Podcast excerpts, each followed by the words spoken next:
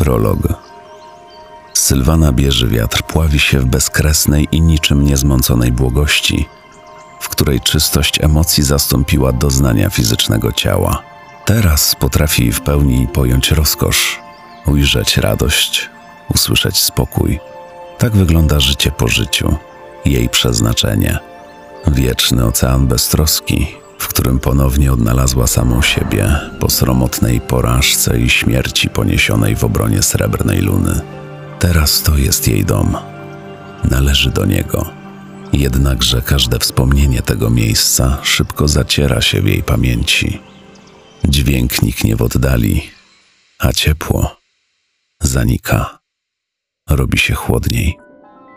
Wizja niknie, stając się niewyraźnym, sennym majakiem. Jej koniec za każdym razem jest taki sam. Dusza Sylwany zostaje brutalnie wyrwana. A ból, jaki wówczas odczuwa, przeszywa ją na wskroś i zostawia na zawsze rozdartą, okaleczoną. Widzi triumfującą twarz Artasa Menetila z jego krzywym, drwiącym uśmiechem i martwymi oczami, które spoglądają na nią, gdy przemocą ściągają z powrotem do tego świata. Bezcześci ją bezpowrotnie. Słyszy śmiech, głuchy śmiech, którego wspomnienie paraliżuje jej ciało. U kresu ciemności